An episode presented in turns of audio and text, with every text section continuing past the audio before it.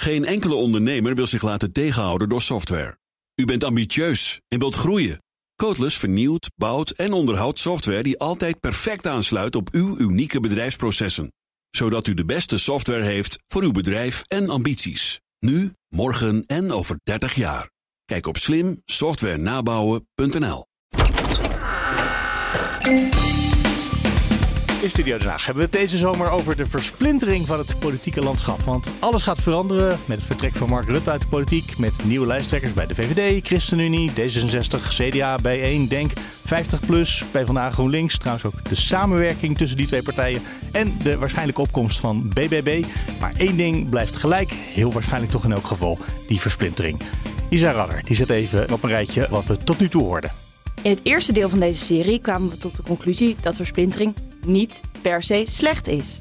Sterker nog, het toont aan dat de democratie werkt. Maar het leidt wel tot debatten die veel langer zijn dan nodig. Waar ik me af en toe aan stoor is dat je tijdens zo'n debat moet je dan wel ook twintig verschillende standpunten horen. Dan voegt het wat toe.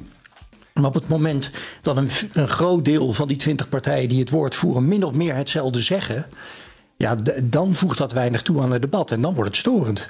Debatdeskundige Roderick van Grieken. En die lange debatten zijn ook niet nodig, zei oud-VVD-Kamerlid Helma Lodders. Het gaat erom dat je een band opbouwt met de kiezer. En dat gaat het beste achter de schermen. Die rol als volksvertegenwoordiger, die zou veel uh, meer uitgevent moeten worden. En dat betekent op het moment dat jij je werk doet in de, in de Tweede Kamer, dat is deels ook uh, achter de schermen. En je hebt zelf ook de verantwoordelijkheid om weer uh, terug te gaan naar jouw kiezer. Om te delen van hoe, hoe, jij met onderwerpen omgaat. Dat was wat we tot nu toe hoorden in deze zomerse serie. En vandaag gaan we het hebben over de campagne. want na de val van het kabinet moeten we weer naar de stembus. In november is dat. De laatste jaren is de politiek een beetje verhard. persoonlijker geworden. Regelmatig ook persoonlijke aanvallen. Zowel in de Kamer als daarbuiten. Maar is dat nodig? Bijvoorbeeld omdat de politiek zo versplinterd is? Of zou het andersom zijn? Is die verharding de oorzaak ervan dat mensen verdeeld geraakt zijn?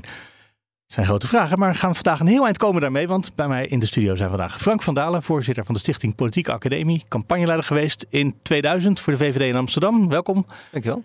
En Devika Partiman, directeur van Stem op een Vrouw. En natuurlijk ook Mats Zakkerman, die er de hele zomer al bij is. Politiek verslaggever bij eh, BNR. Ik ben Mark Beekhuis. Uh, meneer Van Dalen, u was campagneleider. En uh, dat is inmiddels 23 jaar geleden. Ja, heel lang geleden. Ja. ja. Um, is er veel veranderd in die tijd? Um, ja en nee. Uh, uh, wat we uh, toen al hebben gedaan, het was heel vernieuwend, is dat we echt microtargeting hebben ingezet. dat, dat we zeggen weer. dat je echt heel gericht per buurtje bepaalt welke flyer gaat daar het beste effect hebben. En daar hadden we allemaal toen nog met een Excel-sheets, allemaal interactieve kaarten, dingen die uit en aan gingen. Dat zag er allemaal heel spectaculair uit. Nou, dat is nu allemaal veel makkelijker toegankelijk. Maar wat je toen natuurlijk nog veel minder had, was al die social media. En als je praat over campagnevoeren, dan heb je zowel uh, de offline, hè, dus lekker op straat, in zaaltjes en dat soort dingen. In de reguliere media. Ja, en daar hoort nu ook die online campagne hoort er heel nadrukkelijk bij. Sterker dan toen de tijd. Maar in Amsterdam-Oost gingen andere folders in de bus dan in Amsterdam-West. Ja, we hadden toen uh, 60 verschillende flyers. En wisten mensen dat? Nee. Dat zij getarget werden met die ene folder en niet die andere? Nee, want uh, jij kreeg gewoon die ene flyer. Niet weten dat uh, twee buurten verderop iemand een andere flyer kreeg. Maar wel met dezelfde inhoudelijke argumenten. Uh, maar bijvoorbeeld een andere, andere voorbeelden, andere foto's, andere redenen. Een foto maar, van jouw straat in plaats van die van de andere kant van nou, de stad. Bijvoorbeeld, hè, maar hè, toen speelde bijvoorbeeld, nou ja, woningbouw speelde toen ook al heel erg. Ja, je gaat niet zeggen in de ene wijk zeggen we zijn tegen woningbouw en in de andere wijk we zijn enorm voor. Dus hè, je, je standpunt blijft hetzelfde, maar de voorbeelden, de argumenten, de foto's, uh, dat pas je aan aan het publiek. En soms laat je ook een onderwerp weg, omdat je weet dat het in een bepaalde buurt geen uh, effect heeft. En dan gebruik je een ander onderwerp wat daar veel sterker leeft. Dus eigenlijk, we hebben het over versplintering deze zomer. Jullie versplinterden het publiek. Nee, uh, wij zorgden dat de communicatie van de politieke partij uh, relevant werd in het leven van de kiezer. Aha. Dat de kiezer het gevoel krijgt, dit gaat over mijn leven. Deze partij staat voor mijn problemen en wil de problemen die ik ervaar op een goede manier oplossen. In plaats van een algemene flyer denkt van ja, oké, okay, ja, ja, ja, we zijn allemaal voor wereldvrede. Ja, het zal best. Maar wat ga je nou voor mij doen? Ja, ja er was vroeger zo'n soort gevoel dat iedereen aangesproken werd op dezelfde manier. Dat er dat we allemaal hetzelfde publiek waren. Maar dat hebben jullie uit elkaar. En dat is kennelijk dus nu de. Nee, maar het, het, het, als je bijvoorbeeld kijkt naar uh, uh, wie is de kiezer op bijvoorbeeld GroenLinks of een VVD, uh, of bijvoorbeeld van SP. Wij hebben met, vanuit de Politieke Academie doen wij dit soort analyses. Dan zijn er gemeenten waar inkomen geen enk, op geen enkele een identifier is voor, P, op, voor stemgedrag op de SP. Terwijl een andere gemeente is juist een laag inkomen een enorme identifier mm -hmm. om op de SP te stemmen. Dus de, hè, zoals Maxima ooit heeft gezegd, de Nederlander bestaat niet. De Geldt dat niet. in de politiek net zo? De VVD'er bestaat niet, de GroenLinks bestaat niet. Want kijk je, hè, hoezeer we ook versplinteren. Laten we zeggen, we hebben dadelijk uh, 35, 40 partijen die meedoen op het stembiljet alsof we alle Nederlanders dan in 45 groepjes kunnen delen, indelen. En dat al die groepjes dan allemaal hetzelfde zijn. Dat is natuurlijk gewoon niet waar. Oké. Okay. TWK. Um, of ik zeg meneer Van Dalen. Dat zullen we, zullen we tutoyeren? Ik vind het wel een onderwerp dat zich prima verleent, toch? Er is nu in ieder geval één keer mevrouw Partiman gezegd. Ja, dat heb ik dus nu gedaan. Ja, nu zeker. Mevrouw Partiman, precies. nee, ik probeer altijd u te zeggen. Nou, als het, maar ik ben daar niet zo goed in. Um, u gaat ook al een tijdje mee met de verkiezingscampagnes. Ja. Uh, is de, heeft de versplintering in de politiek in de campagne iets veranderd? Ja, uh, dat denk ik wel. Ik denk dat het, maar dat is natuurlijk een trend die al veel langer gaande is, dat het steeds diffuser wordt waar politieke partijen voor staan. Uh, mm -hmm. Waar je op de middelbare school nog steeds, ik geef wel eens bijles maatschappijleer, nog steeds heel keurig krijgt van hey, je hebt het confessionalisme en het liberalisme en uh, de stromingen. Kan je eigenlijk de partijen die daar van oudsher in hoorden helemaal vaak niet meer inzetten. Nee. Want is een CDA nog steeds confessionalistisch? Of zitten ze misschien wel meer in het liberale hokje ook? En hoe leg je dat uit? Dus ik denk dat die versplintering, niet alleen binnen partijen die we heel lang in een hokje konden stoppen, maar ook de toevoeging van nieuwe partijen die niet in die hokjes passen, maken dat je heel moeilijk kan uitleggen waar partijen eigenlijk überhaupt nog voor staan. Maar jouw campagne, die gaat eigenlijk, die overstijgt die versplintering, want die is, die is compleet uh, partijbreed. Dus uh, hoe, hoe heb je die ooit zeg maar zo gestart? En hoe probeer je dat van links tot rechts overal dan uh, ja, naar binnen te krijgen, dat, dat concept?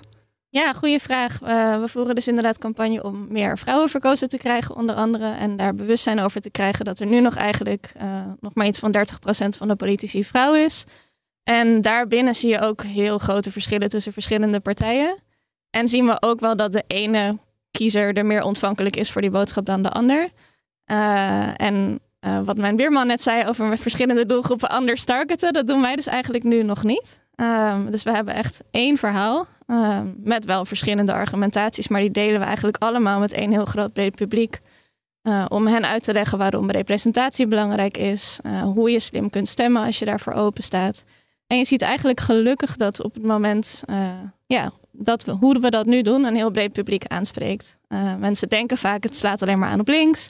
Maar als we kijken naar de verkiezingsuitslagen en hoe vaker op vrouwen nu lager op de lijst wordt gestemd, is het echt van uh, VVD, ChristenUnie, CDA tot en met uh, GroenLinks en bijeen dat het gebeurt. Partijen op links snappen het, maar de, de, de kiezers nou, op links snappen het, maar de partijen nog niet. Want als je nee, je ziet inderdaad dat eigenlijk de kiezers heel breed, kiezers heel breed snappen het best. Ja. Er zijn bij elke partij kiezers die het belangrijk vinden dat de partij een afspiegeling is van de samenleving, inclusief evenveel vrouwen. Mm -hmm. Maar hoe de partijen erop reageren is inderdaad heel anders. En GroenLinks is, en D66 ook, zijn mede door ons ontstaan uh, heel hard gaan lopen, veel meer vrouwen op de lijst gaan zetten en doen het inmiddels ja, braaf die 50-50 over het algemeen.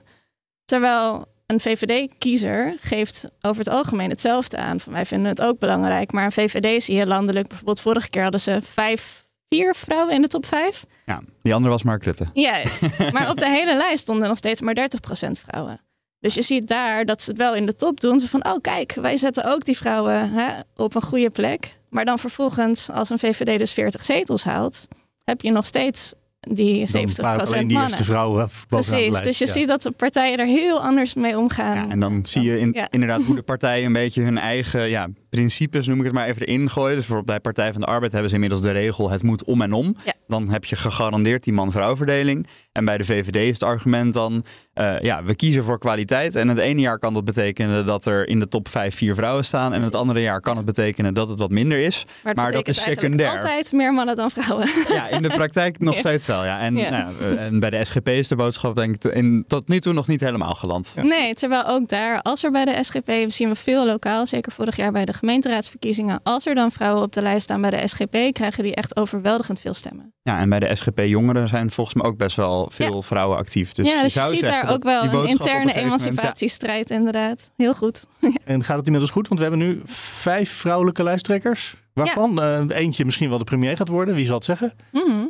Is, het- is dat dan... eh, ja, het is natuurlijk ook nog steeds maar één op de drie ongeveer. Want er zoiets van twintig partijen weer in, in 15 in de Mhm. Tweede Kamer terechtkomen. Ja, nou ja, het zijn er inderdaad nog niet. Het is nog lang niet de helft voor zover dat het streven is. Uh, maar het, zitten het zijn wel een paar echt grote. Dus het zijn niet alleen meer de Partij voor de Dieren of Bijeen of hè, kleinere partijen die het doen. Maar je ziet nu ook... Zelfs ook een VVD, grote partij als de BBB. burgerbeweging heeft natuurlijk een vrouw. Ja, dus dat zijn hele goede dingen. Want dat betekent dat we niet alleen vrouwelijke lijsttrekkers hebben, maar dat we ze ook gaan zien. En die zichtbaarheid, dat is vooral belangrijk. En ik bedoel, voor ons volwassenen, wij weten over het algemeen, hoop ik wel, dat vrouwen politiek actief kunnen en mogen worden. Maar met name voor kids weten we wat dit soort zichtbare vrouwelijke rolmodellen heel erg belangrijk zijn voor hun ambitieontwikkeling. Dus dat meisjes dit nu zien en straks naar een tv-debat kijken en zien, hé, hey, daar niet staan alleen, eh, allemaal Lilian verschillende vrouwen van ook- grote partijen. Dat kan echt uitmaken. Zou het? Zou het uitmaken? Ik, denk dat het heel goed is dat de politiek een afspiegeling is van de samenleving. En dat alle eh, kleuren en smaken die we tegenkomen eh, in de politiek zichtbaar zijn. En eh, je ziet inderdaad aan de ene kant zie je partijen die er heel dogmatisch mee omgaan, zoals Volt, die ook letterlijk zegt: Oh, het lukt niet om 50-50 te doen, dus dan doen we in een bepaalde gemeente niet mee. Versus inderdaad een VVD die gewoon heel duidelijk zegt van kwaliteit voorop. En ik weet ook wel een beetje hoe dat intern bij de VVD gaat. Dat is ook wel zo. Eh, en ik denk dat het een heel positief signaal is dat eh, je nu op alle plekken gewoon eh, de vrouwen ziet opduiken. Omdat ik, om heel eerlijk te zijn, ook wel een beetje klaar ben met het haantjesgedrag. Even Sigrid Kaag dan even, even een wink-wink, even terzijde schuivend. Maar hè, die heeft zich misschien toch ook iets te veel laten verleiden. Juist in die male-dominated omgeving. Terwijl ik denk van, joh, weet je, blijf gewoon lekker bij je eigen core. En eh, dan, ik geloof zelf, ik heb ook een achtergrond in de LHBT-gemeenschap. Ik geloof heel erg in divers samengestelde teams, dat daar uiteindelijk een betere kwaliteit uit naar voren komt. Dan dat je alleen maar met jezelf zit te praten, ook al zijn er twintig mensen in een zaal. Ja, Ja. En je ziet ook dat het, eh, als we even, nou, we hebben het nu dan over Kamerleden en lijsten, maar in het kabinet eh, hebben we sinds kort voor het eerst ooit meer vrouwen eh, dan mannen, sinds Marielle Paal de nieuwe minister voor primair onderwijs is geworden. En eh, je ziet bij Rutte dat er ook echt wel een shift is geweest. Want bij Rutte 3 waren er zes VVD-ministers, waarvan één een vrouw, Cora van Nieuwhuizen. Nou, toen zei Rutte nog, we kunnen ze niet vinden en we gaan voor de kwaliteit. Eh, later kwam dat relletje dat eh, Rutte vrouwen in de ministerraad minder aan het woord zou laten. En dat hij daardoor een aantal vrouwen door ja, was terecht gewezen. Van nou, je kapt ons altijd veel sneller af en daar zijn we een beetje klaar mee. En nu inmiddels ja, loopt hij er trots mee te koop dat eh, de VVD zes van de acht ministers vrouw levert. En eh, ja, dus vlak voor zijn af- afscheid eh, is dat nog een soort van eh, iets waar hij heel veel trots uit lijkt te halen. Dat hij dat nu nog voor elkaar heeft gekregen. Dus er is in korte tijd ook bij hem nog wel veel veranderd, denk ik, in zijn denken. Ja, we hebben het over ver- versplintering. Eigenlijk beschrijven jullie een soort trend die door alle partijen heen is. Is er een versplintering gaande op het ogenblik? Ja, op het moment dat je het zegt, wordt het waar. Hè? ik denk dat de meeste mensen, laten we wel wezen, de meeste mensen die stemmen eh, volgen de politiek niet zo. eh, hebben überhaupt niet zo in de gaten waar ze precies op stemmen en hebben echt niet al die partijen bekeken. Ehm, dus voor heel Kijk, veel mensen. en dat is het. Precies. Ja. Was het misschien in de jaren 60 of 70 nog wel heel duidelijk. Oh, ik eh, hoor bij deze omroep en ik hoor bij deze partij. Dat is al lang niet meer zo. Dus dat diffuse is denk ik al wel heel lang zo. Maar vooral ook veel verwarring. Maar dat de partijen zelf, daar is natuurlijk heel veel versplinterd. Het zijn steeds meer afsplitsingen. En Je ziet steeds meer nieuwe partijen opkomen die ook succes boeken en niet meer wegvallen na één verkiezing. Dus ja, er is zeker versplintering, denk ik. Je ziet het ook in gemeenteraden dat coalities steeds meer partijen bevatten. In plaats van Ja, klassieke het de kan drie, ook zijn dat we meer partijen hebben, maar dat er eigenlijk gewoon niet zoveel veranderd is. Dat het toch gewoon nog steeds het, hetzelfde is als het altijd was, alleen met meer, met meer fracties. Ja, en wat je ook ziet is dat, eh, ik bedoel, die versplintering. eh, maar als je kijkt naar wat zijn nou de, de blokken die we in Nederland hebben, dan heb je, eh, je hebt het, het, het, het conservatief-christelijke blok. Eh, daar zitten verschillende partijen in. Je hebt eh, het progressieve blok. Daar zitten een aantal partijen in. Eh, hè, twee daarvan gaan nu ook eh, samen knuffelend eh, de campagne in. eh, GroenLinks en PvdA. Eh daarnaast heb je eh, het, het wat, eh, het, het- ja, Sommige mensen doen dat wel een beetje het boze, boze mannenblok. Hè, waar uh, voor Democratie, PVV, SP, 50 plus, dat zijn, hè, die zitten ook uh, in een segment. Dus wat wij binnen onze uh, analyse van de academie, politieke academie zien, is gewoon echt een paar segmenten. En binnen een segment heb je verschillende smaken. Mm. en ja, nu hebben we er dan heel veel. Maar ja, je zult, hè, dat zie je nu dus ter linkerzijde van het politieke spectrum. Als links en rechts is een beetje een gekke term. Uh, laten we progressieve zijde. Dus nou, men probeert weer samen te klonteren. dat is ook slim, want ja, Nederland is best wel rechts als samenleving zijnde. en daar moeten ze tegen opboksen. Dus uh, en dan zeg ook vaak de kiezer is op drift. Nou, de kiezer kan wel eens een keer zeggen: ik stem nu op D66 en de volgende keer op de Partij voor de Dieren. Maar om nou te zeggen dat die kiezer zwaar op drift zit, dat valt nogal mee. Niet de volgende keer op Forum. Nee, ik bedoel, weet je, dus uh, die bewegingen die je ziet, dat zit hem vaak in, in binnen een partijfamilie. Uh, en daarmee is de kies niet op drift. Wat veel vaker op drift is, is de politieke partij zelf. Mm -hmm. de PvdA die uh, de belofte niet waarmaakt naar uh, de arbeider. De VVD die de ondernemer in de kou laat staan. het CDA die de boeren niet meer weet te bedienen. Da dat is dat een vaste achterban, een, een klassieke achterban denkt maar wacht eens even, wat zijn ze allemaal raar aan het doen? En die gaat op zoek... over binnen mijn familie. Maar die stapt binnen de familie over. Uh, ja. En dan moet wel dat gat er zijn. En bijvoorbeeld, hè, de VVD heeft heel lang extreem groot kunnen blijven, omdat dat gat er niet was. Of, hè, dat werd niet opgevuld. Vorm voor democratie. Uh, met de provinciale statenverkiezingen. dat geprobeerd. Die is een beetje naar rechts opgeschoven. Mm. Nou, ik zou eerder zeggen dat de VVD naar links is opgeschoven. Dat is ook waar. 60 een beetje is blijven ja. zitten. Uh, dus, ik, ik, dus D60, uh, die zit echt wel, dat gaat wat meer naar het... Uh, maar er is kiesverkeer tussen VVD ja. en D60. Het was ook met de vorm van democratie zo. Maar die zijn nu in een hoek terechtgekomen waar ja, heel veel mensen die ooit nog dachten... Ah, dat wordt de nieuwe belofte, hebben afscheid genomen. Nou, daar probeert Ja 21 nu een beetje op in te springen. Nou, die krijgen nog niet echt de winter onder. maar die ruimte is er op zich wel daar. Uh, het CDA heeft uh, de BBB in haar uh, vaarwater gekregen en, en niet zo'n beetje ook. Ja, als en wat de BBB in die zin doet is natuurlijk ongelooflijk knap. Hè? Want het is veel breder dan een beetje een plattelandspartij. Want hè, ook als je kijkt naar de afgelopen verkiezingen, ook in steden, gewoon in heel Nederland. Weet je, als jij alleen maar een plattelandspartij bent, ben je niet zo'n beetje alle provincies de grootste. Hij zal er overal stemmen inderdaad. Mm. Als, we dan, als we dan even nu bij rechts blijven. Hè. Er zijn een aantal partijen, uh, je zegt het al een beetje, die zeggen allemaal wij zijn wat de VVD vroeger was. Ja, 21 zegt wij zijn uh, de liberale partij die VVD niet meer is, want VVD is links geworden. BVNL zegt dat een beetje. Ja. Uh, in dat landschap, hoe kun je dan als, ja, als je de campagne opzet zorgen dat die kiezers, dat je daarvoor onderscheidend bent? Hoe kan een VVD zeg maar toch dat verhaal verkopen van nee, wij zijn echt nog wel die VVD die jullie gewend zijn. Wij zijn echt nog wel rechts. En hoe kan een Ja 21 juist daar stemmen van afpakken? Hoe, hoe zou jij als oud campagneleider daar uh, aan de slag gaan? Nou ja, wat Ja 21 uh, moet doen. Ja 21 moet uh, relevant worden in het leven van de Nederlander. En daar hoef je niet groot voor te zijn. Hè? 50 plus was ook heel klein, maar was in het leven van heel veel Nederlanders super relevant. Hè, dat geldt ook voor een ChristenUnie. Uh, en op een andere manier, jaar 21, uh, is te veel een beetje een, een partij uit het. Uh, een beetje een klassieke partij. Terwijl je zit op de flank. En daar moet je af en toe ook een beetje stout zijn. Dan moet je ook een beetje. af en toe ook gewoon met guerrilla-achtige activiteiten komen. als je nou vindt dat je in iedere provincie een kerncentrale moet zetten. Of je vindt dat was zijn gemeenteraadsverkiezingen dat Amsterdam ook aan de kernenergie moet. Ja, weet je, maak dan een hele visuele campagne. Dat je gewoon een megastekker ergens instopt en zegt: uh, wij gaan uh, Amsterdam aansluiten op Borselen. Weet je, dan maak je heel visueel. Uh, ook voor de media aantrekkelijk om dat verhaal over de bühne te krijgen. Als je een persbericht stuurt, ja, wij zijn voor kernenergie. Ja, oké. Okay. dan lezen we dat. Ja, precies. ja. en we leggen het weg. En, en precies dat. Dus je moet, je moet wel beter je best doen, omdat je niet automatisch machtsrelevant bent. Ja, en dat is een plek die moet je bevechten. Uh, en dat kan. Uh, hè, bijvoorbeeld, je kan als jaar 21 heel erg zeggen van... we hebben de afgelopen tien jaar gezien dat de VVD wegloopt van alles... Uh, waar rechts of liberaal Nederland voor zou moeten staan. Ze laten hun oren hangen aan... er hangen te veel ballast ter linkerzijde van de partij. Wij worden het tegengewicht. En we zorgen dat dat bootje van de VVD weer een beetje normaal rechts komt te hangen ik roep maar een verhaal, weet je. Maar dat, dat, moet, je, dat moet je wel gaan vertellen. En dat, uh, doen, uh, uh, dat doet een jaar 21 in mijn optiek op dit moment veel te weinig. Waardoor ze, ja, het, het, ja, het klinkt een beetje, het is schattig dat je meedoet, maar so what? Even wat geef, welk advies geven de VVD om uh, deze aanval van Ja 21 af te slaan?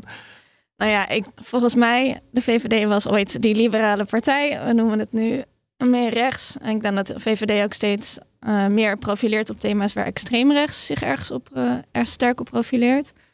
En, dus dat dan ook maar gewoon flink aanzetten, zodat nou het helder is? Nee, dat denk ik eigenlijk juist niet. Want je oh. ziet juist een jaar 21, een BVNL, een Forum, die springen in dat extreemrechtse gat. Voor zover daar een gat had hoeven zijn. Had niet gehoeven wat mij betreft. Maar goed, dat, dat is nu, dat mhm. is gevuld. En de VVD doet daar een beetje in mee. We noemen het ook wel PVV-corvée af en toe. Van, oh, er is weer iemand die ook even zo'n standpuntje inneemt. Ik zou graag zien dat een VVD weer teruggaat naar wat betekent liberalisme voor ons? Wat betekent het voor Nederland? Wat, wat maar de leden zijn inmiddels conservatief en niet liberaal meer, hè? Nee, terwijl ik wel denk op het moment dat je dingen je gewoon... moet je partij ook meekrijgen. Zeker, maar op het moment dat je dingen gaat uitleggen, en dat doen partijen denk ik heel weinig. Partijen verzinnen verhalen waarvan ze denken dat het aanstaat, in plaats van uitleggen wie, ben, wie zijn wij, waarom staan we daarvoor. Dat is iets wat ik vaak mis in campagnes. Ook de soort van openheid in plaats van het opportunisme van alleen stemmen willen winnen. Dat doen met zeggen wie je bent. En dat, dat niet doen, ik denk dat heel veel mensen dat zien. En denk je dat er in die zin wel een kans voor de VVD ligt door de, door de leiderschapswissel? Hè? Want Mark Rutte was op een gegeven moment zo lang de premier dat de campagne was gewoon ik ben de premier, stem op mij. uh, nu krijgt uh, Dylan Jessicus. Wat, wat mm. verwacht je van haar, zeg maar, daarin? Want zij kan nu wel die koers toch wel gaan verleggen. Ja, nou ja, het is niet per se een klassieke liberaal volgens mij. Um, maar het is wel super populair binnen de VVD. Ik denk dat ze het heel goed gaat doen. Maar met welk verhaal ze precies gaat komen, ze zit nu natuurlijk sterk op alles rond ja, justitie en veiligheid. Migratie is helemaal haar onderwerp. Op allerlei verschillende vlakken. Maar of dat de boodschap wordt voor de VVD, ik weet het niet. Het, het is een, onderwerp wat al een tijdje goed voor ze werkt. Ja, kijk, heel moeilijk. Ja. het wordt nou, nou geen liberaal, Frank. Nou het punt is, nou kijk, het is wel liberaal, maar het is niet waar ze zich op profileert. De PVV zit in een hoek samen met Vorm voor Democratie. Uh, dat kun je extreem rechts noemen of zo. Maar ja, aan de andere kant, de PVD, PVV is economisch uh, hartstikke links dus je kan heel erg focussen op migratiebeleid, op uh, moslim en dat soort zaken. vaak wel, maar stemgedrag vaak niet. Ehm, dat is dat, de truc van de PVV. Ja, maar als je, om een jaar en twintig in die hoek te plaatsen, dat, dat zie ik niet. Ik zie ze echt op de flank van de VVD zitten. Daarom zijn ze ook niet zo heel groot. Hmm. Want ze hebben moeite om die VVD-kiezer echt uh, de VVD leeg te zuigen. Tot er heel veel onvrede is bij de VVD. Um, als je kijkt naar Dylan, uh, bedoel, kijk, de VVD heeft dadelijk een waanzinnig goed verhaal uh, in de verkiezingen. Want we, kunnen zeggen, ja, we moeten het volk gaan opvoeden wat we moeten vinden van de migratiepolitiek. Je kan ook zeggen, het volk heeft een bepaald idee van de migratiepolitiek en we gaan daar invulling aan geven. Ik bedoel, de vraag is, wat is de rol van de politiek? Uh, ben je, neem je de, more, de moral high ground of zeg je van nee, ik vertaal het, het, volksaanvinden, wat het volk vindt. Nou, dat is wel. De VVD als populistische partij. Nou, de VVD heeft in ieder geval een helder beeld van hoe zij uh, migratie zien. En ze willen dat uh, terugdringen. Uh, als je dan kijkt wat de VVD nu heeft gedaan. Hè, het kabinet is gevallen op dit onderwerp. Dus ze hebben het ja, konings... Heel bewust, hè? Nou, ja. ja, bewust, dat weet ik niet eens. Nou, ik denk het... Ik, ja, ik weet dat, mensen gesproken inmiddels om dat wel te kunnen denken. Ik, weet je, ik, ik weet dat niet zo zeker. Op geen uh, lopen dingen ook zoals lopen. Maar uh, uh, feit is wel dat zij kunnen zeggen: we hebben het koningsoffer gebracht op dit onderwerp. Zo belangrijk vinden wij dat Nederlanders. Ja. Dus daar hebben ze een enorm sterk profileringspunt. En Dylan, ja, dat is veilig. ja, die gaat erover. Die gaat erover. Dus de twee belangrijkste thema's voor een VVD-kiezer.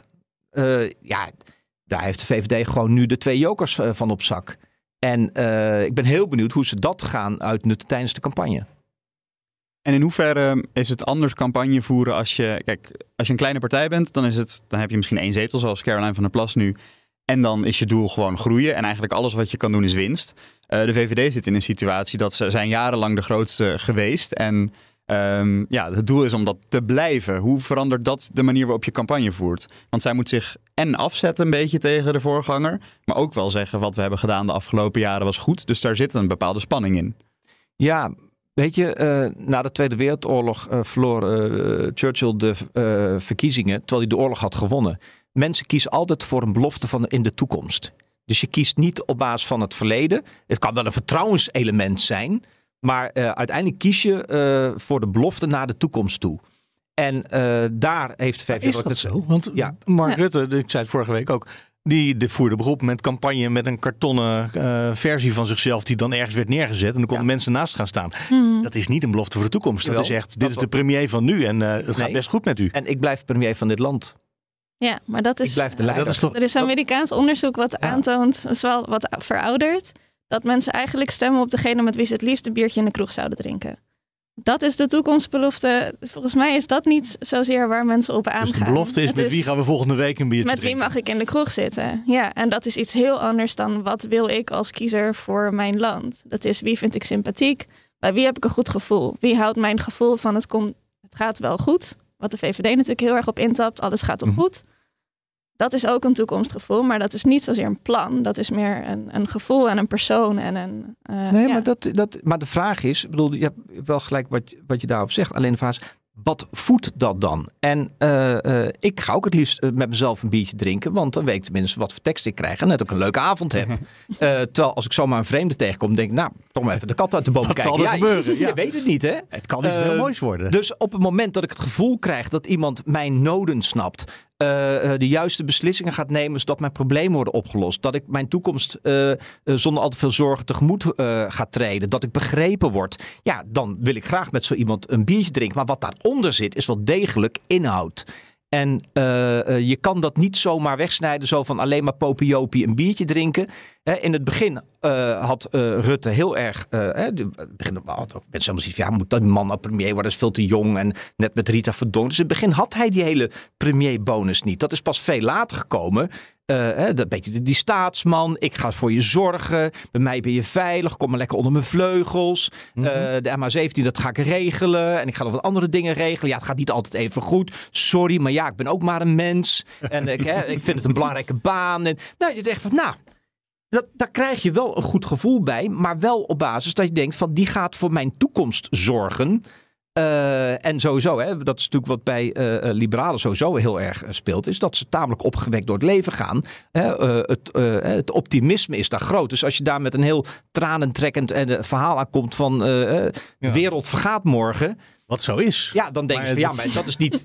hè, dat, ja. maar, dat, maar hoe is Jan-Peter Balkenende dan ooit premier geworden? Want daar ga je toch niet mee de kroeg in? Nee.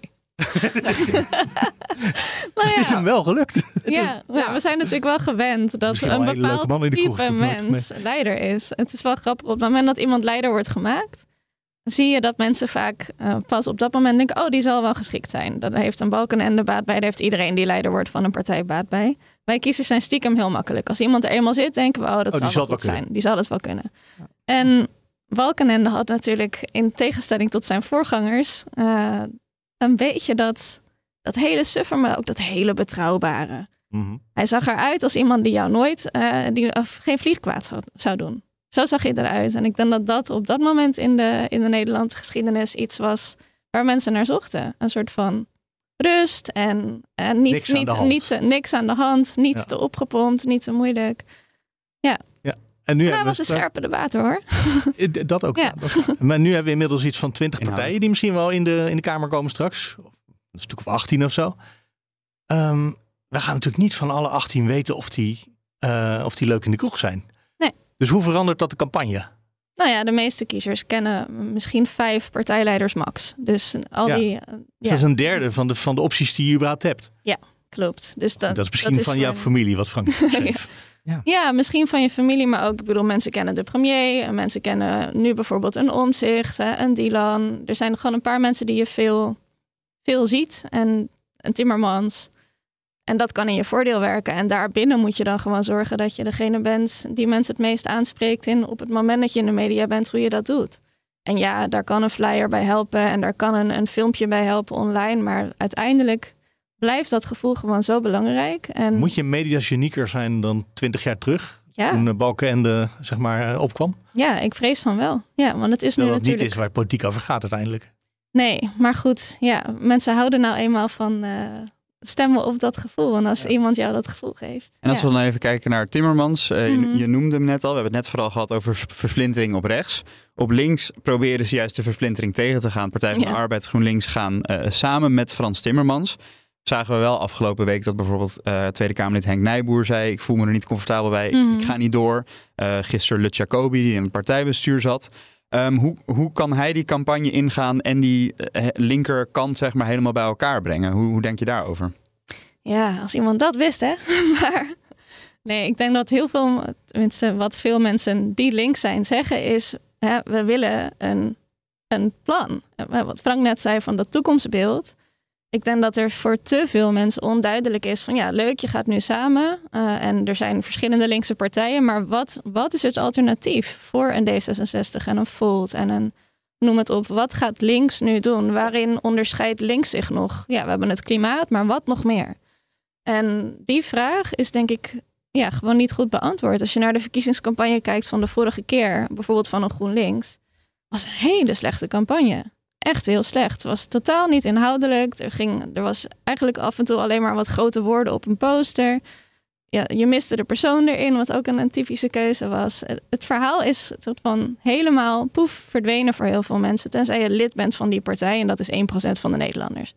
Dus ik En- denk dat wat Timmermans moet doen is gewoon zorgen dat hij een pitch heeft die Ja, en, werkt. en, en in hoeverre, want dan zit er, moet hij ook nog een beetje balanceren tussen niet, niet te groen, want dan lopen misschien weer de, de klassiekere Nou ja, sociaaldemocraten ofwel, maar dan vertellen waarom. Ik bedoel, op het moment dat iemand begint over migratie tegengaan bijvoorbeeld, kan je daar ook een gesprek over klimaat over hebben. Van op het moment dat we zien dat in het mondiale zuiden klimaatverandering leidt tot onleefbaarheid van gebieden, tot nou, noem het op. En we pakken de klimaatproblematiek aan en dat zorgt ook voor minder vluchtelingen. Er zijn zoveel manieren waarop je een groen thema kan verbinden aan allerlei andere economische problemen, migratieproblemen. Dus ik denk, het maakt niet zo heel veel uit waar je voor kiest, als je maar het relevant kan maken. Maar eh, je begon net, je zegt van eh, het gaat om de persoon, maar volgens zeg je, Nou ja, inhoud is super belangrijk. Dus ik, Ja. En ik geloof echt dat de inhoud is belangrijk. En ja, je hebt een boegbeeld nodig. Mhm. Maar de meeste, bedoel, er zijn nog steeds Nederlanders die denken dat eh Geert Wilders premier van dit land is. ja. Eh, hè, dus laten we ook niet eh, het, het, het, het, kennisniveau van de Nederlander van wie is wie, dat valt nogal tegen. Zeker. Dus je zult het echt ook van waar sta je als partij voor? En kijk, de meeste Nederlanders kunnen niet een opinieartikel schrijven eh, voor het NRC van wat hun visie en hun wereldbeeld enzovoort is. Maar ze voelen wel ongelooflijk goed aan, intuïtief. Is deze partij goed voor eh, de belangen die ik belangrijk vind? En we hebben dat in de tijd al jaren geleden, we als politiek academie heel veel ondersteuning gegeven bij het Oekraïne-referendum. En wat toen opviel, was er heel veel mensen die tegen dat associatieverdrag waren, kon niet goed uitleggen. Eh eh, hè, kon niet daar een heel verhaal over neerzetten, maar ze raakten allemaal wel punten aan. Terwijl vanuit eh, eh, een beetje eh, de politiek werd gezegd van ja, allemaal onderbuikgevoelens. Maar de mensen die ik sprak, ze van ja, die ze, ja, maar die Zelensky, of de, de premier, die heeft toegezegd dat ze willen lid worden van Europa. Hier stond ze vertellen, nee, dat is helemaal niet het doel van het associatieverdrag. Terwijl uit Oekraïne kwam gewoon het verhaal. Dit is het Wij doel willen het wel, ja. dit is het doel waarom we deze stap zetten. En dan, dus die, de- dat soort mismatches zijn heel erg aanwezig, zonder dat mensen dat heel eloquent naar voren kunnen brengen. Als het gaat om een PvdA en GroenLinks, eh, het verhaal wat je net ook zei over dat milieu. Nou, ik zie, eh, ik heb behoorlijk wat eh, eh, verstokte PvdA'ers. Die krimpen helemaal ineen bij dit verhaal. Want die staan voor het arbeidersbelang. En hun arbeidersbelang is gewoon een baan die ook ingenomen kan worden door een ander die niet dezelfde taal spreekt, maar wel zorgt dat die loonsverhoging in ieder geval niet doorgaat. Weet je, dat, dat, die strijd en hoe Frans Timmermans dat dadelijk die twee inborsten in één partij gaat brengen. Ik moet het nog zien gebeuren. Ik denk dat 1 plus 1 in hun geval helemaal geen 2 is, maar gewoon 1,7 of 1,8. Dus dat ze nog wel eens zouden kunnen verliezen. Echt waar? Ja, dat denk ik wel. Ja. Want ze trekken natuurlijk in de Tweede Kamer al heel erg samen op op het ogenblik. Ja, maar dadelijk eh, eh, is het eh, één eh, eh, man, en ook nog een man inderdaad, en ook nog Mm. middelbare leeftijd. Ja, van Ja. zekere Met een enorm trackrecord. En die volgens mij verantwoordelijk is voor dat we nu 15 cent eh, betalen bij de frietboer voor een bakje friet. Dus ja, weet je. ik bedoel, ik geef me even een aankeiler voor een campagne eh, En als ik dan, aanval. en jij noemt dan de, de, de verstokte arbeider, hè? De, de- misschien de klassiekere P van de Ja. A, maar misschien ook wel de P van de A die meer op de SP-flank zit. Ehm, En PVV. Ja, precies. Uh, Maar bijvoorbeeld een SP, die heeft nu zes verkiezingen verloren. Wat, hoe zouden zij nou een succesvolle campagne, het landschap ligt weer open. Uh, hoe kan de SP nou eindelijk een keer een succesvolle campagne gaan neerzetten? Want als ik jou zo hoor, is die ruimte er wel voor uh, een potentiële SP-stemmers. Ja, het, het, probleem van de SP, die zit gevangen tussen de PvdA en de PVV in. En gewoon een heel groot deel, en dat vindt de SP vreselijk ingewikkeld. Heel groot deel van, uh, deel van de SP-achterban vindt gewoon wat de PVV vindt. Mm -hmm. Alleen dat willen ze niet zeggen. Dat snap ik wel dat ze dat niet willen zeggen. Maar dat neemt niet weg dat die achterban dat wel vindt. En ja, zolang ze dat niet opgelost krijgen, uh, zullen ze iedere verkiezing gewoon steeds een klein beetje afkalven. Uh, zij zitten, de SP drie, zit ja. echt in een hele moeilijke uh, plek. Ja. Als je je wil afstand wil houden van de PVV. Ja, een jaar of drie geleden, toen uh, PvdA GroenLinks begonnen met uh, naar buiten te zeggen: wij gaan samen. Toen stond ook de SP daar nog naast en die zijn daarna afgehaakt. Mm -hmm. Ja, was, was dat ook... verstandig geweest om ook daarbij aan te sluiten? Ik denk dat GroenLinks en uh, PvdA, PvdA zeker GroenLinks, die, die, hadden dat voor geen. Dat, dat had hadden niet, niet getrokken. Nee, nee, zeker niet. Nee. nee. Dus het is. Uh, misschien hadden ze het wel gewild, maar ze zeiden uiteindelijk niet welkom. Nee, weet je, ik het is gewoon echt het, een, gewild, het, zijn echt een, het is gewoon een andere agenda, een ander publiek. Ja. Ze zitten echt op een andere plek in het spectrum. Mm. Maar ja, we hebben het nu over Verenigd Links, of tenminste Timmermans heeft, uh, noemt het steeds zo. Uh, toen heel eventjes, één avond, waren ze Verenigd Links met z'n Ja. drieën. Mhm. Ja, alleen de SP zit, als je kijkt in onze uh, modellen, en dat zijn gewoon rekenmodellen, komt de SP gewoon in de hoek uit waar ook de PVV zit en 50 plus. En die zit niet in de hoek. Uh, er zijn wel hele dunne lijntjes. Hè. Een lijntje bij ons is verkiezersverkeer. Mhm. Dus het, het is wel dat er af en toe een SP en PvdA stemt en omgekeerd. Maar dominant zitten ze in de hoek van de PVV 50 plus uh, en nu dan ook vorm van democratie. En niet in de hoek van uh, GroenLinks, uh, Partij voor de Dieren, Mhm. D66 en dan op de linkerflank nog een beetje PvdA. En DWK, als we dan kijken naar de andere partijen op de linkerflank. Je ziet nu een beetje ontstaan dat er op rechts, zie je VVD, BBB groot, op links. Mhm. Tot nu toe in ieder geval in de peiling nog die linkse combinatie. Um, als we dan naar de kleine linkse partijen kijken, Partij voor de Dieren, uh, misschien ook bijeen als ze hun interne strubbelingen kunnen oplossen. Um, ja, wat, wat moet hun strategie nou zijn? Moeten ze een beetje optrekken met dat linkse blok of moeten ze zich juist er tegen afzetten om te profileren? Nee, ik ben meestal sowieso niet zo van afzetten om te profileren. Ik denk dat dat niet nodig is. Uh, zeker op het moment dat je weet van wat Frank al zei, we leven in een overwegend rechtsland. Mensen stemmen overwegend rechts als hè, linkse partij. En dan ook nog gaan zeggen, stem niet op die linkse partij, maar op mij. Ik denk niet dat je daar baat uh, bij hebt.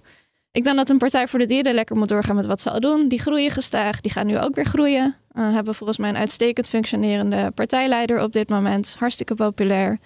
Uh, en die gaan echt baat hebben ook bij dat bij één Sylvana nu vertrok, gaat vertrekken. Dus ik denk dat een deel van die stemmen naar Partij voor de Dieren gaat.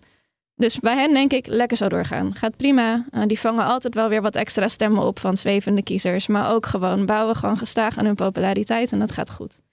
Um, ik kan me ook niet voorstellen dat zij in één keer verdriedubbelen. Maar ik denk ook niet dat zij per se die ambitie zo hebben. En dat, ja, daar kan je van alles van vinden. Maar maar ze, zitten wel, het, ze hebben ook ja. wel weer een bepaald dilemma. Want mm -hmm. zij willen het liefst een regering over links. Ja. Uh, dus zij zijn er ook wel bij gebaat dat, dat, dat het linkse blok van PvdA GroenLinks Absoluut. groot wordt. Maar dat kan dan wel weer ten koste van hen zelf gaan. Dus Mm -hmm. d- dat is voor hun misschien weer de uitdaging. Van hoe kunnen wij zelf groeien zonder dat we toch weer een regering over rechts krijgen.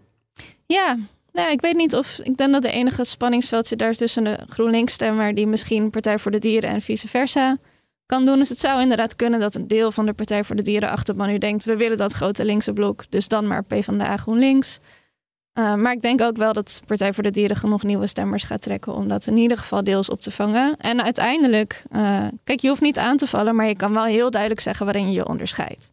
En daarin heeft Partij voor de Dieren een heel helder verhaal van hè, op het moment dat we dat linkse blok straks hebben, wie daar dan ook in zitten, vinden we het super belangrijk dat onze thema's, en dat is meer, veel meer anti-imperialisme, anti-kolonialisme tegen de bio-industrie, daar gaat een PvdA GroenLinks zich niet op profileren. En er is echt wel een deel van de kiezers geïnteresseerd in dat verhaal. Dus op het moment dat je zegt, als je op ons stemt, zorgen we dat dit sowieso wordt meegenomen, denk ik dat je wel goed zit. Ik denk dat uh, rechts het nog veel spannender gaat worden. Want binnen, wat terecht wordt gezegd, een beetje naar de partij, die een beetje naar de D66, GroenLinks, het zal. Maar omzicht. Uh, kijk, als omzicht besluit om mee te doen, dan, hè, waar het zich nu een beetje naar laat aanzien, dan kan hij besluiten of met een hele kleine lijst in alle kieskringen. Dat betekent dat er heel veel restzetels vrijvallen aan allerlei partijen uh, door het hele politieke spectrum heen. dus als hij met 10 mensen meedoet en haalt 40 zetels, dan zijn er dus 30 restzetels die worden verdeeld over alle partijen. Dat gaat dan is, naar de rato van de verkiezingsuitslag? Ja, dat, iedereen gaat daarvan profiteren. Dus dat kan enorm disruptief werken op, uh, de, uh, op uh, even de, de, de rechtsconservatieve liberale hoek. pak even de twee partijfamilies samen. of hij zegt, ik doe alleen mee in één of twee kieskringen. En dan kan die maar drie of vier zetels halen. dan zal die disruptie er niet zozeer zijn.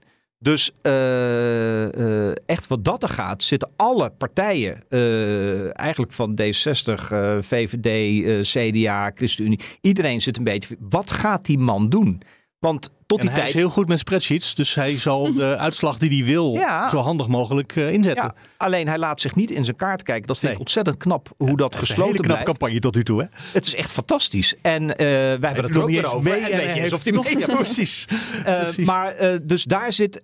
dus dat betekent voor die partij van wat voor campagne kunnen we gaan voeren de echte grote strategische keuzes kunnen ze eigenlijk pas maken als hij hom of kuit heeft gegeven. Nou, dat weten we dan eind augustus, weten we dat. Uh, want dan moet hij zich hebben aangemeld bij de kiesraad. Uh, maar daar zie ik nog veel grotere disruptieve mogelijkheden van de twee scenario's die zich nu lijken uit te kristalliseren. En uh, als we dan, stel dit gaat gebeuren, stel hij gaat meedoen, kans is denk best aanwezig. Uh, bijvoorbeeld Caroline van der Plas van de Boer-Burgerbeweging gaat daar denk ik last van hebben. Want zij heeft zich altijd heel positief over hem uitgelaten. Trekt ook wel met hem op in de, de Tweede Kamer. Allebei CDA'ers uiteindelijk. Het zijn allebei van oudsher CDA'ers. de Boer-Burgerbeweging wil dat niet weten. Um, dat zijn toch CDA'ers. Ja, maar hoe, hoe zal dat haar campagne beïnvloeden? Want ze ja, moet zich dan toch een beetje tegen hem afzetten om niet al haar stemmers weer kwijt te ja, raken. Maar dat, dat, is dus, dat weten we dus niet. Omdat of hij doet met een kleine lijst mee in alle kieskringen nou, dan heeft hij uh, voor 40 zetels uh, stemmen, maar heeft maar 10 kandidaten. Dus dan vallen er 30 weg. En daar zal uh, BBB enorm last van hebben. Echt gigantisch. En ook een VVD en ook een beetje D66 en het CDA zeker. Of hij doet gewoon in één of twee kieskringen mee. En dan kun je maar een beperkt... En dan zal hij drie, vier zetels halen. Of vijf, max. Dus en dan heeft BBB er niet zoveel last van.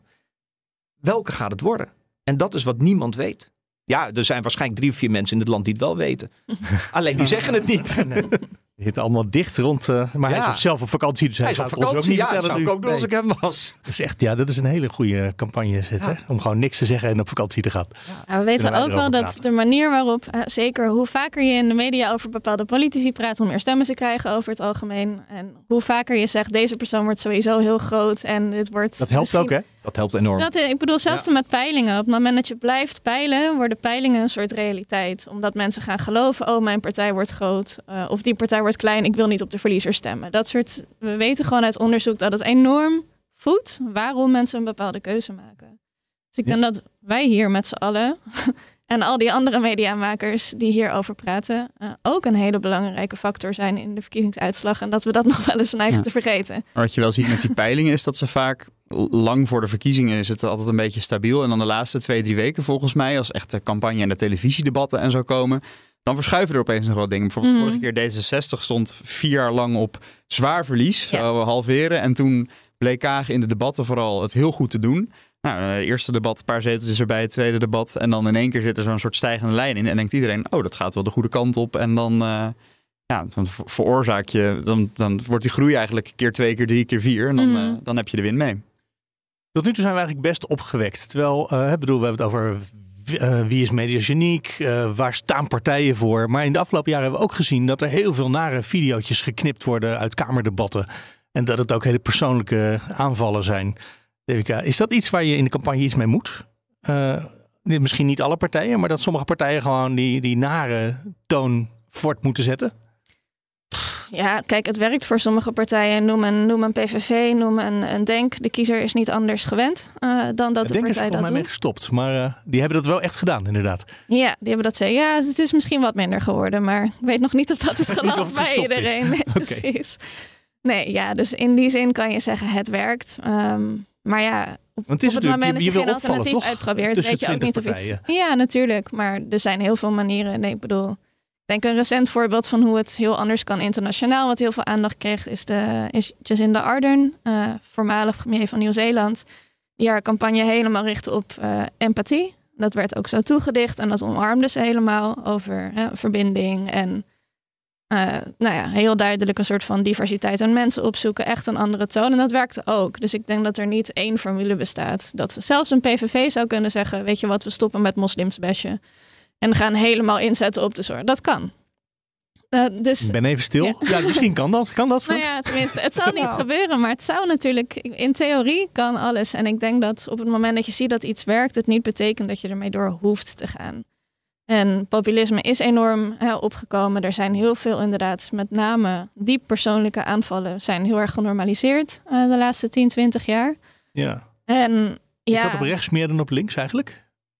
Nee, dat, je ziet dat uh, op beide kanten wel. Kijk, uh, uiteindelijk is de politiek ook een spiegel van de samenleving.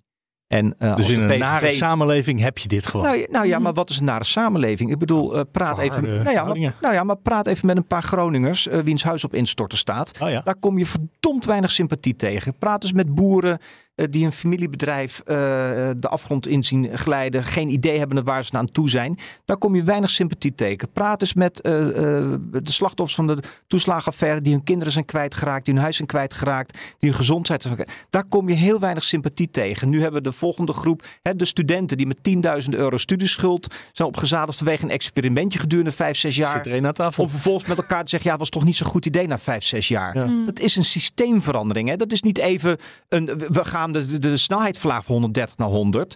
Uh, dat gaat om hele grote aantallen mensen. Dat gaat om mensen uh, uh, die, die niet meer rondkomen op het einde van de maand. en die van hun werkgever te horen krijgen van joh, voor jou een andere Bulgaar. Weet je, dat kunnen we allemaal, daar kunnen we allemaal hele sterke meningen over hebben. Maar het is wel lekker makkelijk praten vanuit een studio zoals we hier bij elkaar zitten met onze. Uh, uh, dan ga ik even een lekkere woke term gebruiken, hey, ja. onze privilege. maar daar is natuurlijk wel sprake van. Dus er zit ook daadwerkelijk ongelooflijk veel woede. Als ik zie, kijk, ik ben zelf dan, uh, ik heb ook, ik vuur ook wat woningen. Als ik hoor hoe er, hoe verhuurders van woningen, die gewoon één of twee woningjes in de verhuur hebben, hoe ze zich voelen hoe ze bejegend worden, worden door de politiek.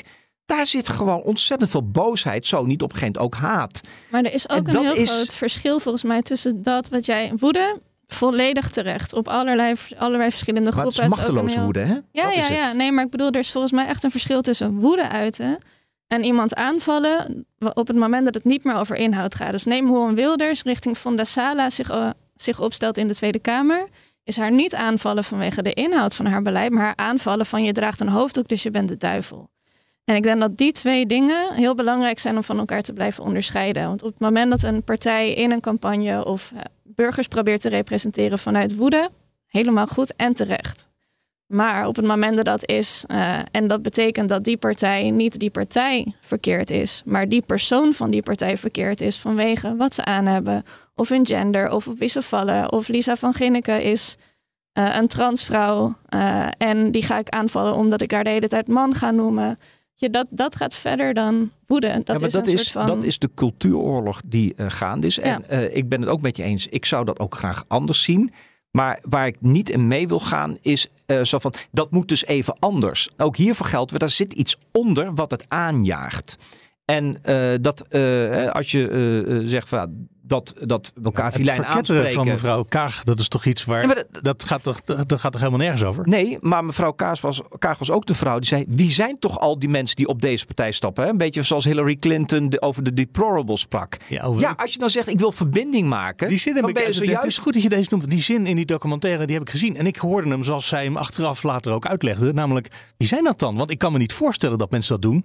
Maar ze doen het wel. Wie zijn dat dan? En dan wil je de leider van dit land... Nee, nee, nee, nee met alle respect. Jij als jij zegt, jij ik wil, dat niet. Nee, maar, nee, maar, nee, maar zelfs, ik bedoel, als ik die vraag stel, fijn, of jij of wie dan ook. Aha. Maar zij wilde de premier van dit land worden. En vervolgens zegt ze: Ik begrijp een groot deel van deze samenleving niet. Wat gaat er eigenlijk in jullie hoofden om?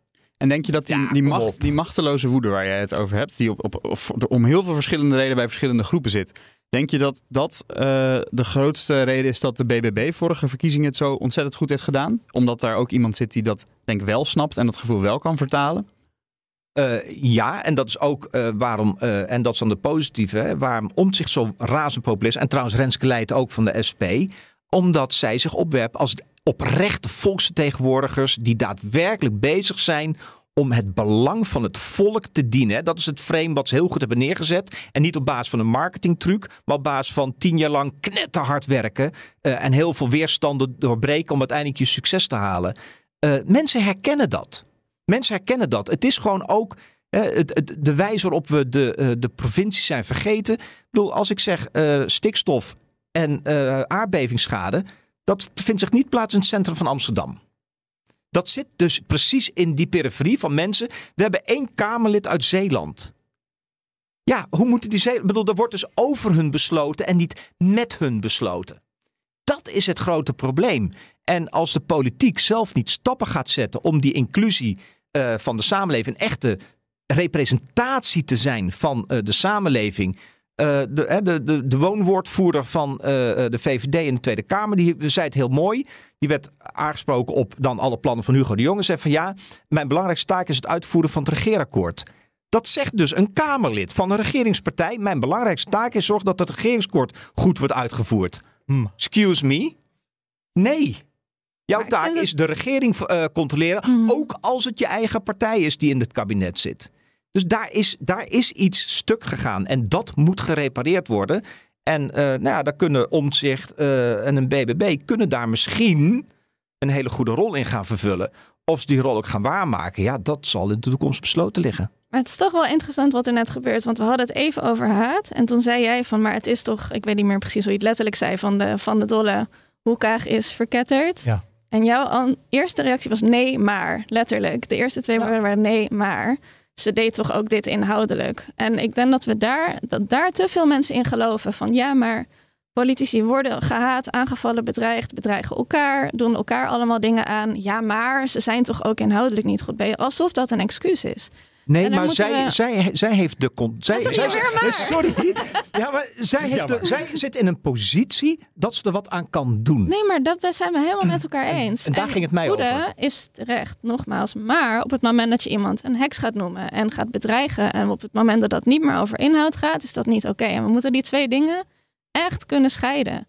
Zeker wij met z'n allen in deze fancy studio moeten kunnen zien want er is een verschil tussen, want ik ben het helemaal met je eens over representatie gaat verkeerd. Uh, mensen worden niet voldoende gehoord. En inderdaad, een Kaag is een super elitaire persoon. Ja, maar zijn allemaal alsnog hele, geen redenen voor die politieke cultuur. Is het niet een hele effectieve manier om je partij wel relevant te maken? Zou jij 21, hè, die wil ook groot worden. Zou die niet toch dit soort nare campagne trucken moeten gaan doen om groot en in het zicht te komen? Ja, nou ja, het krijgt aandacht. Ik, denk, ja, maar ik denk dat het kan leiden tot stemmen. Maar rechts. ja, in 20 zou het niet werken, omdat hun ja, achterban. Is een, uh, nee, maar hun achterban. toch? Zoals je nee, nee, nee, nee, ja, in 20 zit. Nee, die zit juist niet in. Uh, die oh, is geen boze man. Nee, die zit echt nog op de flank van de VVD, waar, waar oorspronkelijk Vorm voor Democratie zat. Alleen die zijn afgedreven. Ja. En ja, in de 20 niet voor niets ook een afsplitsing. Die zitten nu weer terug op die flank. Uh, de vraag is hoe ze dat uh, gaan invullen. Uh, ik denk als zij echt zo'n boze mannencampagne gaan voeren, dan zijn ze weg. Want die hebben we namelijk al. Dus wees, wees authentiek jezelf. Uh, en, uh, uh, dus de boze mannen moeten het wel doen? Nee, ook niet. Alleen, nou ja, alleen daar, voor effectiviteit. Ja, maar het punt is, wij bepalen hier niet hoe de samenleving in elkaar zit. En het is een gegeven dat er blijkbaar een groep in de samenleving is die daardoor wordt aangesproken. Zeker. En die hebben een partij gevonden die ze op hun wenken bedient. Daar kunnen wij moreel van alles van vinden. Ik vind daar ook van alles mm. van. Alleen. Nee, maar ik heb het eigenlijk niet over moreel nu. Ik heb het eigenlijk gewoon puur over effectief. Want Denk is bijvoorbeeld op die manier wel heel erg in de kijker. Uh, heeft zich op die manier in de kijker gespeeld. En ze zijn er misschien een beetje vriendelijker geworden tegenwoordig. Ja, maar het heeft gewerkt voor maar ze. Denk haalde met de, de, de, de videocampagne met haatfilmpjes drie zetels. En met de vriendelijke campagne vier jaar later ook, drie zetels. Dus het heeft in die zin niet heel erg veel veranderd. En als ik nog even iets mag zeggen over de, de verkettering en de persoonlijke haat. Ik denk dat het best wel eens zou kunnen dat vooral die persoonlijke haat op de man een stuk minder zou kunnen zijn. Omdat er veel nieuwe partijleiders zitten. Er zit minder oud zeer. Eh, bij de vorige zag je toch wel dat de persoonlijke verhoudingen ook wel Mhm. aardig verstoord waren. Ook naar positie, omzicht, functie elders. En die formatie, er zat gewoon heel veel oud zeer tussen al die mensen. En eh, zelfs Geert Wilders is toch wel iemand die vaak op de man speelt. Maar bij de VVD hebben we recent gezien dat er vanuit Kamerlid Ruben Brekelmans een kleine opening richting de PVV werd ge- gegeven voor samenwerking. Ja, Geert Wilders zegt altijd: Ik wil meeregeren, jullie zetten mij altijd buiten spel. Als hij nu in één keer weer meteen op de man, eh, op de nieuwe VVD-leider gaat spelen, dan zet hij zichzelf meteen weer buitenspel. Dus misschien dat ook Geert Wilders deze campagne een iets Zelfs Geert verzoenendere en knuffelbaar. koers- nou ja, het zou denk ik wel, als hij echt zegt ik wil mee gaan regeren, dan zal hij toch ook naar die nieuwe VVD-leider, Dylan Jessicus, ja, misschien toch een iets verzoenendere koers moeten eh, eh, ja, gaan varen in de campagne. Om die mogelijkheid om in de toekomst samen te werken open te houden. En misschien En dat dan de campagne een stuk vriendelijker wordt deze Ja, maar dat- dat, zou toch echt- altijd als een buitenlandse mevrouw eh, werd aangesproken. Absoluut, ja. Dus dat is toch heel moeilijk om samen te gaan met eh, die Turkse mevrouw? Ja, maar Ariep heeft hij zich ook over de bezwaren later heen gezet. Dus Ja, daarom. Ja. Dus ik, Ja, dat dus, was nee, de maar beste het- ooit. Ik, ben- ik denk dat de PVV, die, die, ik vind het heel interessant om te zien wat de PVV de komende tijd gaat doen. Omdat ze zich denk ik wel willen, in de, willen eh, positioneren als een partij waar je weer zaken mee kunt doen en in het kabinet zou kunnen gaan zitten. Ik hoop echt, dat hoop ik echt. Er zijn nu ontzettend veel oud-gedienden die de politiek verlaten. Eh, veel alfa-mannetjes ook, om eerlijk te zeggen. En ik hoop echt dat, eh, hè, daar ga ik echt ook wel in mee, van dat, eh, eh, dat hele vilijnen dat er wel afgaat. Eh, en dat het echt wel ook over de inhoud eh, eh, weer gaat. Laat en die inhoud moet vervolgens een antwoord zijn op die frustratie en boosheid die ook in de samenleving zit. Eh, en dat we iets minder alfameelgedrag eh gaan zien in de campagnes. Dat zou mijn liefding waard zijn. Mhm. Hoe krijgen we dat voor elkaar? Als Nou, een mooie laatste afrondende zin. Ik denk dat, eh, nou ja, het klinkt heel plat en niet om, maar ik denk dat eh, met zoveel vrouwen eh, in eh, eh, die toch eh, man-gedomineerde omgeving, wat het altijd was, eh, dat er toch een andere, eh, toch ook wel een andere wind kan gaan waaien. Wat ik letterlijk zeg, minder alfa-mail.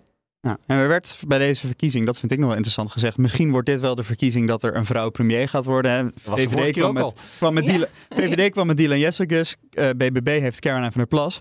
En toen kwam dat linkse blok in één keer met Frans Timmermans. Ja, wat, Ja. wat vindt de directeur van Stem op een vrouw daarvan? Ik vind dat bloedirritant. Ja, daar vind ik wat van. Ja, maar goed, als stichting vinden we daar natuurlijk niks van. Maar eh, ja, eh, ik denk dat het Is het een gemiste kans? Ik denk het wel. De uitslag gaat het uitwijzen. Eh, dus ja, ik kan het niet met zekerheid zeggen. Ik denk dat de populariteit van Timmermans wel heel erg wordt onderschat. Ik denk dat hij groot is geworden bij de Europese verkiezingen, omdat hij toen een van de, zo niet het enige bekende gezicht was in Europa. En mensen hen nogmaals de stem op iemand die ze kennen. Met Plus- Europa is dat normaliter niemand, nu was het Timmermans. Plus dat hij de kans maakte om de president van Europa te Precies, worden. Ja, Ja. dus dat, Dat was, en dat wat jij ja. eerder ook zei eh, in de Precies. uitzending. Wij stemmen van- graag op een winnaar. Ja, op een winnaar Ja. en achter de leider. En Precies. dit was de Ja. Nederlandse leider die de president van Europa kon worden. Dus ja, toen ging Ja. dat heel goed. Net mis- ik ben het met je eens. ja. Daarom zei ik ook, Ja. 1 plus 1 is in mijn optiek niet per Nee, se Zijn Dus ik precies denk zo'n dat dat- alfamannetje waar jij net eh, vanaf wilde? Ik vind van wel. Ja, absoluut. Ja, ik ben ook heel benieuwd hoe die zich gaat opstellen. En ik denk dat ze erop hopen dat met name die PvdA-achterban... die een beetje is weggelopen, of een beetje, die voor bijna helemaal bij de PvdA is weggelopen... dat die weer terugkomt met zo'n soort van ouderwetse, betrouwbare witte man... die ook nog wel een beetje jong en hip kan doen, of zo. Eh, en ik denk dat het voor GroenLinks... Swag. Ja, ja. Ik denk dat er bij GroenLinks dus een soort van hoop zit... en mensen daarom misschien op de samenwerking stemmen. Maar ik Maar op twee een goede vrouw dan, denk ik. Nou ja, er gaat weer massaal op vrouwen gestemd worden, ja. Zeker bij... eh, Hoeveel procent moet het worden dit keer? Nou ja, dat is wel grappig. Bij de GroenLinks-stemmer is echt iets van 80% van de stemmen gaat altijd naar vrouwen. Dus Klaver bijvoorbeeld kreeg altijd heel weinig stemmen in verhouding met de vrouwen in zijn partij. PvdA-achterban is wel anders. Laten we zeggen 70% stemmen op vrouwen. Gokje. bij PvdA GroenLinks. En hoeveel Kamerleden hoop je vrouwen na de komende verkiezingen? Ja, 50 Nou ja, de helft natuurlijk. Ja, of nou ja, ik moet eigenlijk zeggen liever iets meer. Ik zou liever zeggen, doen, nee, maar oprecht. Want wat we ook weten is dat vrouwen sneller uitvallen. Eh, die politieke cultuur waar we het over hebben, die is niet in één keer anders. Die is niet in één keer super veilig. Vrouwen vallen sneller uit. Dus liever 55% vrouwen, dan hebben we er misschien over een paar jaar nog 50 over. Hebben we nog wat reserve. Ja. Mooi hoor. Ehm, Ja. Die gedachte ga ik even op me in laten werken. Frank van Dalen, dankjewel. Uh, Devika Partiman, hartstikke dank dat je er ook was. Mats Akkerman, volgende week weer hier denk ik. Eh, Uh, ja, we moeten nog even een onderwerp zoeken volgens mij. Nou, er zit wel iets aan te komen. Daar gaan we het zo over hebben. Of we het volgende week over de rol van de media hebben. Want die kwam vandaag ook weer ter sprake. En dat is wel een soort... Wij wilden het hebben over versplintering. Maar de media die worden elke keer... Uh, die komen elke keer in al die afleveringen voorbij. Dus, uh, ik ben Mark Beekhuis. Dit was Studio Den Haag. Voor vandaag, vrijdag 4 augustus. Volgende week.